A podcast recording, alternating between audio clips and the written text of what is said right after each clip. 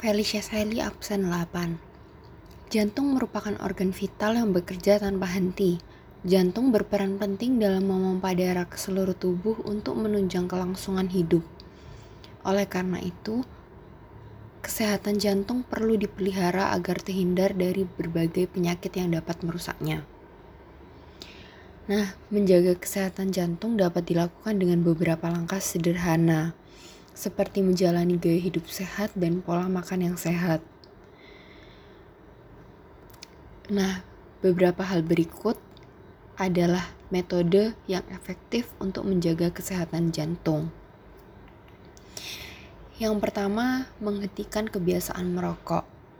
Yang kedua, melakukan aktivitas fisik atau olahraga secara rutin, mengonsumsi ikan atau makanan yang mengandung asam lemak omega omega 3 karena dapat membantu mencegah penyakit jantung. Nah, ikan adalah salah satu makanan yang kaya akan asam lemak omega 3. Lalu metode selanjutnya adalah mengonsumsi lebih banyak serat, mengurangi konsumsi lemak jenuh karena hal tersebut dapat meningkatkan kolesterol dalam darah. Kolesterol yang menumpuk berpotensi menyumbat pembuluh darah jantung. Oleh karena itu perlu membatasi konsumsi lemak jenuh. Metode selanjutnya adalah menjaga tekanan darah. Tekanan darah yang tinggi bisa menyebabkan pecahnya pembuluh darah. Jika hal ini terjadi pada pembuluh darah, organ-organ yang penting seperti jantung dan otak dapat berakibat fatal.